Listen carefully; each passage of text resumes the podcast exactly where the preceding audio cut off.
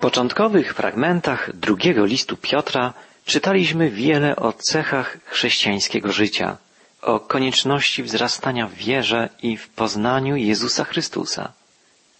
W końcowej części pierwszego rozdziału listu czytamy natomiast o wiarygodności apostoła Piotra jako naocznego świadka cierpienia i chwały naszego Pana. Apostoł wyjaśnia też, jaki był cel powstania jego listu. Przeczytajmy szesnasty, siedemnasty i osiemnasty werset pierwszego rozdziału drugiego listu Piotra. Daliśmy wam poznać moc i przyjście naszego Pana Jezusa Chrystusa. Nie dlatego, że ulegliśmy sprytnie wymyślonym mitom, lecz dlatego, że staliśmy się naocznymi świadkami Jego wielkości. Otrzymał on bowiem od Boga Ojca cześć i chwałę, gdy rozległ się głos chwały majestatu, ten jest moim synem umiłowanym, w nim mam upodobanie. I ten głos, który rozległ się z nieba, usłyszeliśmy my, którzy byliśmy z nim na świętej górze. Apostoł Piotr swoje prawo do zwiastowania Ewangelii opiera na tym, że razem z Jezusem był na górze przemienienia i widział tam Jego chwałę. Słyszał przemawiający do Niego głos Boga Ojca. Opowiadanie o przemienieniu Piotr nie uważa, jak powszechnie się przyjmuje, za przedsmak zmartwychwstania Jezusa, ale za przebłysk triumfalnej chwały Jego drugiego przyjścia. Opowiadanie o przemienieniu zawarte jest w Ewangelii Mateusza, Marka i Łukasza. We wszystkich trzech Ewangeliach opowiadanie to występuje zaraz po proroctwie Jezusa odnośnie tych, którzy nie odejdą z tego świata, dopóki nie ujrzą Syna Człowieczego przychodzącego do swego królestwa. To wskazywałoby na powiązanie faktu przemienienia Jezusa z Jego powtórnym przyjściem. Najbliżsi apostołowie, uczniowie Jezusa, widzieli Jego chwałę, taką, jaką zobaczą wszyscy ludzie kiedyś przy powtórnym przyjściu Pana. Apostoł podkreśla, że celem jego listu jest ugruntowanie żywej wiary w powtórne przyjście Jezusa Chrystusa. A prawo do takiego nauczania opiera na tym, co widział na górze przemienienia. W wierszu szesnastym występuje bardzo ciekawe słowo. Piotr powiada, staliśmy się naocznymi świadkami Jego majestatu. Piotr stwierdza, że chrześcijanin jest naocznym świadkiem cierpień Chrystusa. Okiem wiary widzi krzyż. W doświadczeniu wiary umiera z Chrystusem dla grzechu i powstaje z nim dla sprawiedliwości. Jego wiara zjednoczy go z Jezusem Chrystusem w Jego śmierci i zmartwychwstaniu. To bardzo ważne słowa apostoła Piotra. Jako naoczny świadek przemienienia Jezusa, a potem świadek śmierci i zmartwychwstania Pana, utwierdza nas w pewności, iż pełen mocy Chrystus przyjdzie na ziemię powtórnie. Już dzisiaj, mając takie świadectwo apostolskie, powinniśmy żyć w gotowości na przyjście Pana, czerpiąc z Jego mocy, doświadczając działania Jego Ducha, Ducha Świętego, Ducha Prawdy. Aby jeszcze bardziej podkreślić niezawodną wiarygodność swoich wypowiedzi, apostoł Piotr pisze dalej. Mamy więc silnie potwierdzone prorockie słowo, a wy dobrze robicie, gdy trwacie przy nim jak przy lampie, która świeci w ciemnym miejscu, dopóki dzień nie zaświta i nie wzejdzie jutrzenka w waszych sercach. To przede wszystkim wiedząc, że wszelkie proroctwo pisma nie może być dowolnie wykładane. Nie z woli człowieka bowiem zostało niegdyś dane proroctwo, ale przepowiadali je natchnieni przez Ducha Świętego, posłani przez Boga ludzie. Jest to bardzo ważna wypowiedź apostoła, ale też bardzo trudna do interpretacji, ponieważ obydwie części tej wypowiedzi Piotra w języku greckim, w oryginalnym języku listu, mogą oznaczać coś zupełnie innego. Pierwsze zdanie, wypowiedziane przez apostoła, może oznaczać, iż w proroctwie posiadamy jeszcze pewniejszą gwarancję powtórnego przyjścia.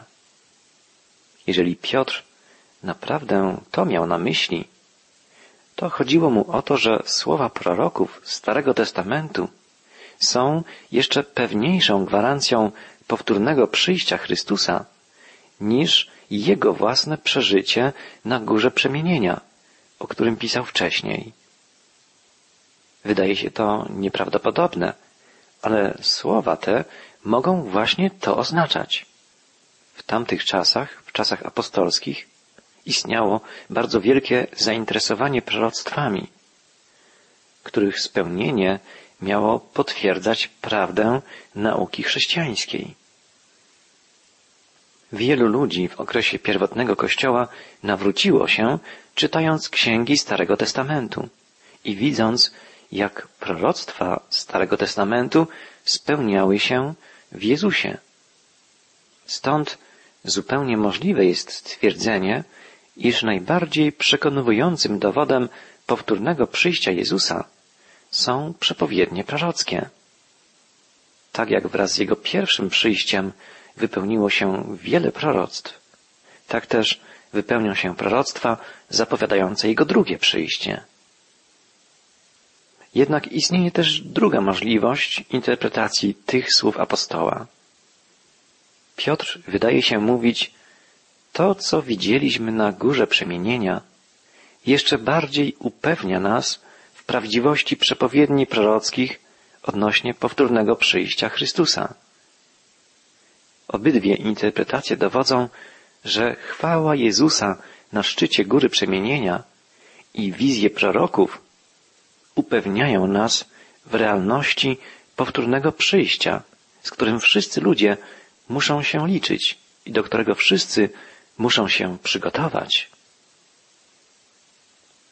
Odnośnie drugiej części wypowiedzi apostoła Piotra też istnieje dwojaka możliwość interpretacji. Piotr pisze, żadne proroctwo pisma nie podlega dowolnemu wykładowi.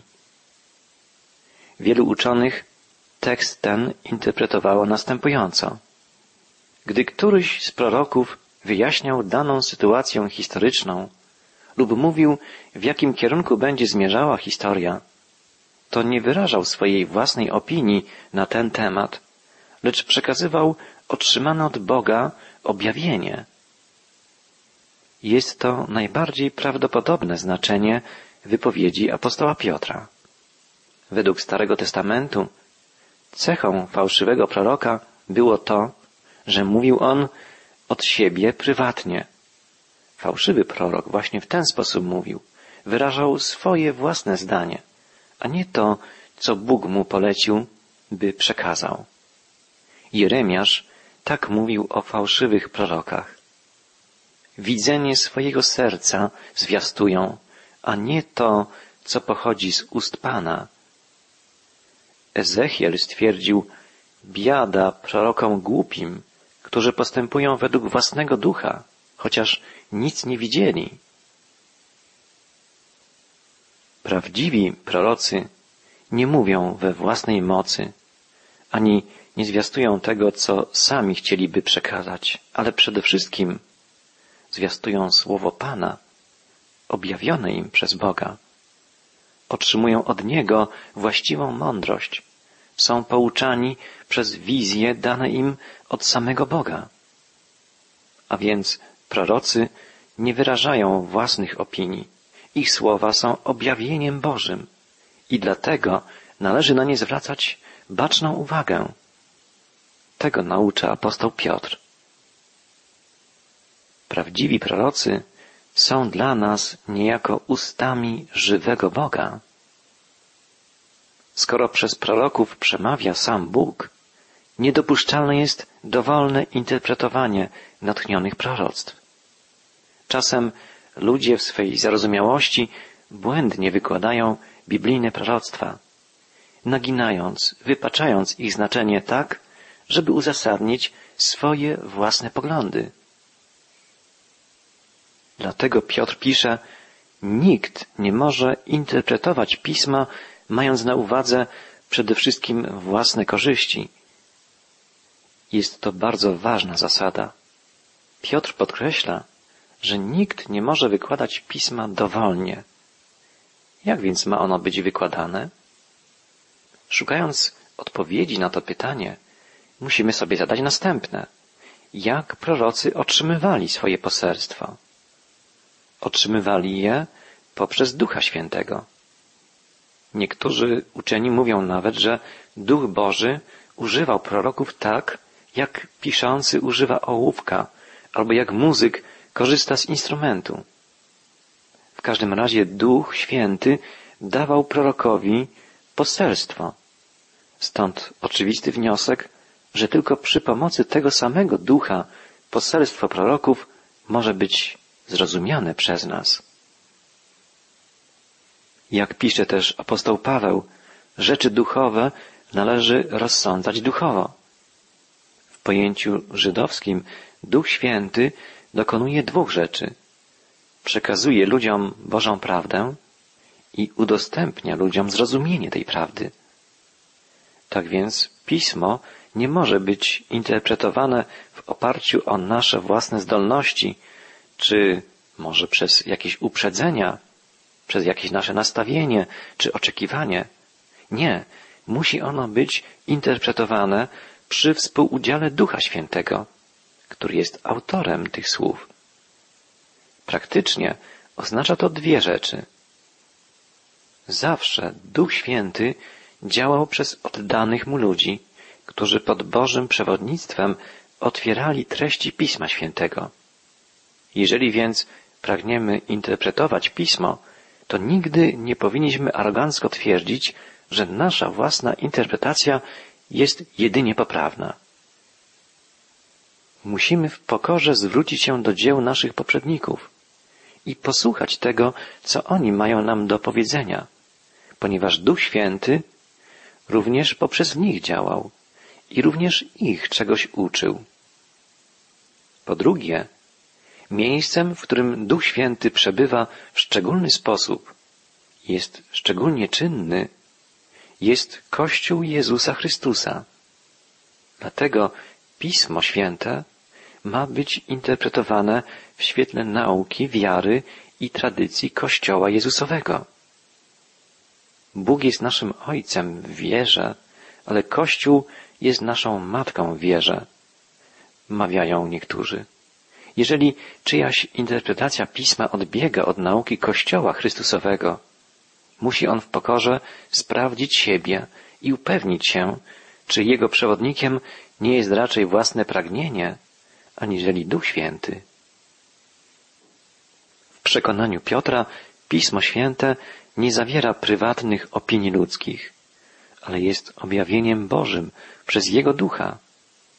Kościół Chrystusowy zbudowany jest na fundamencie proroków i apostołów. A więc interpretacja pisma nie może być uzależniona od jakichkolwiek opinii ludzkich, ale musi dokonywać się pod przewodnictwem tego samego ducha, który działał poprzez proroków, poprzez apostołów i teraz w szczególny sposób działa także we wspólnocie wierzących, w Kościele Chrystusowym. Kościół Chrystusa jest przecież wspólnotą serc wypełnionych Duchem Świętym. Wsłuchajmy się jeszcze raz w wypowiedź apostoła. Mamy więc silnie potwierdzone prorockie słowo, a wy dobrze czynicie, gdy trwacie przy nim jak przy lampie, która świeci w ciemnym miejscu, dopóki dzień nie zaświta i nie wzejdzie jutrzenka w waszych sercach. To przede wszystkim wiedząc, że wszelkie proroctwo pisma nie może być dowolnie wykładane. Nie z woli człowieka bowiem zostało niegdyś dane proroctwo, ale przepowiadali je natchnieni przez Ducha Świętego posłani przez Boga ludzie. Wypowiedź apostoła Piotra może być dla każdego z nas cenną wskazówką, jak w ogóle studiować, przyjmować treść Pisma Świętego. Kiedy rozważamy treść jakiegoś określonego fragmentu Pisma, musimy pamiętać o całym poselstwie Biblii, o wszystkich wersetach, które dotyczą danego tematu, określonego zagadnienia. Z tego wynika bardzo ważna zasada, iż pismo musi być interpretowane przez pismo. Jedyną nieomylną regułą interpretacji pisma jest samo pismo.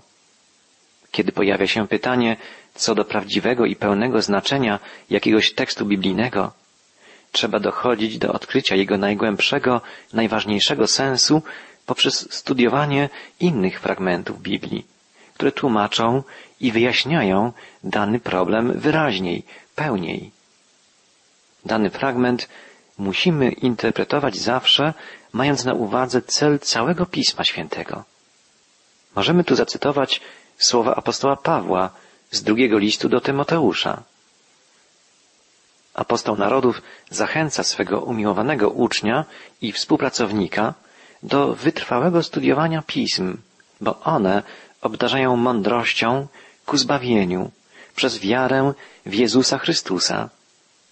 Apostoł dodaje, całe pismo przez Boga jest natchnione i pożyteczne do nauki, do wykrywania błędów, do poprawy, do wychowywania w sprawiedliwości, aby człowiek Boży był doskonały, do wszelkiego dobrego dzieła przygotowany.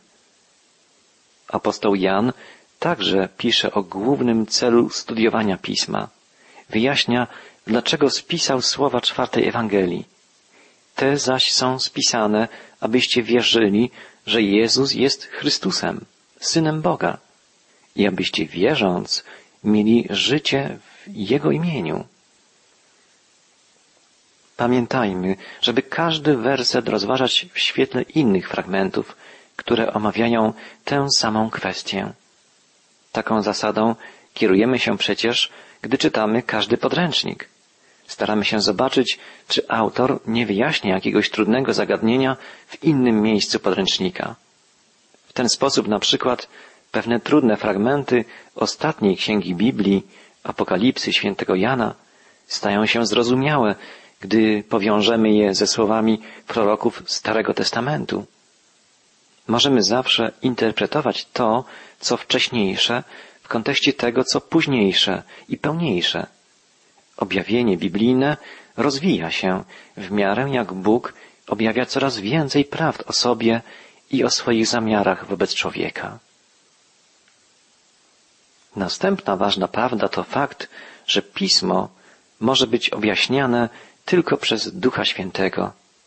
Prawdziwe zrozumienie pisma nie jest czymś naturalnym. Jest to Boży dar. Tylko Duch Boży może uzdolnić człowieka do zrozumienia Bożego Słowa. Ewangelista Mateusz zapisał następujące słowa Jezusa. Wysławiam Cię, Ojcze, Panie nieba i ziemi, że zakryłeś te rzeczy przed mądrymi i roztropnymi, a objawiłeś je prostaczkom. Kiedy Szymon Piotr na pytanie Jezusa, za kogo mnie uważacie, odpowiedział, Tyś jest Chrystus, Syn Boga żywego. Jezus rzekł, Błogosławiony jesteś, Szymonie, synu Jonasza, bo nie ciało i krew objawiły ci to, lecz Ojciec mój, który jest w niebie. Tak więc tylko Duch Boży może uzdolnić człowieka do zrozumienia Jego słów, Jego prawd. Nie zwalnia nas to wcale z ciężkiej pracy, ani nie oznacza, że nasza interpretacja pisma może istnieć niezależnie od zrozumienia Biblii przez innych chrześcijan. Duch Święty zamieszkuje przecież w całym ludzie Bożym i objawia duchowe prawdy nie tylko nam, ale wszystkim szczerym, pragnącym poznania Jego słowa, w tym wybranym przez Niego nauczycielom, kaznodziejom, ewangelistom. Musimy z pokorą sami studiować Pismo Święte, ale musimy także być otwarci na to, co Bóg objawia innym, wiernym swoim sługom. Jedno jest bardzo ważne. Musimy być świadomi, że ponieważ jesteśmy istotami grzesznymi, Boża prawda może dotrzeć do nas jedynie jako dar, jedynie dlatego, że Bóg zniża się do naszego poziomu i oświeca nasze ogarnięte ciemnością umysły. Biblia poucza nas, że nie możemy poznać Boga i Jego prawdy, dopóki nie narodzimy się na nowo. W Ewangelii Jana zapisane są słowa Jezusa skierowane do Nikodema, ale dotyczące każdego z nas. Zaprawdę, zaprawdę powiadam Ci, jeśli się kto nie narodzi na nowo, nie może nawet ujrzeć Królestwa Bożego. Cud duchowego narodzenia i oświecenia zawsze wiąże się z odpowiedzią na Ewangelię, na dobrą nowinę o zbawieniu w Chrystusie. Ta cudowna wieść z początku nie wydaje się być wcale dobrą nowiną, bo stawia nas twarzą w twarz z naszym grzechem, z naszą ślepotą moralną i intelektualną. Od razu jednak zostajemy zapewnieni o wszechmocnej miłości Boga, wyrażającej się w ofierze Jego Syna, który zmarł za nasze grzechy na krzyżu. Ewangelia wzywa nas, żebyśmy odwrócili się od naszych grzechów i zdali się na Boże miłosierdzie, dane nam w Chrystusie. Kiedy odpowiadamy na to wezwanie z prostotą i zaufaniem, doświadczamy nowego porządku w naszym życiu, nowego narodzenia, a wraz z nim nowej zdolności do zrozumienia Bożego objawienia. Jeśli jesteśmy na nowo narodzonymi chrześcijanami, wszystko to jest już dla nas rzeczywistością. Pamiętajmy jednak zawsze, że Bóg udziela swej prawdy tylko pokornym. Boże Słowo musi przemawiać do nas w sposób bezpośredni. Musimy odnosić je do naszych najbardziej osobistych przeżyć. Natura Biblii i jej przesłanie zawiera się w słowie przemiana.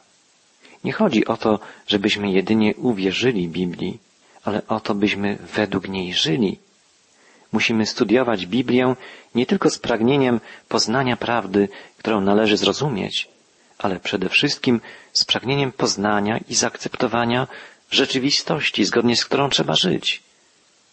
Biblia powinna mieć wpływ na nasze codzienne życie.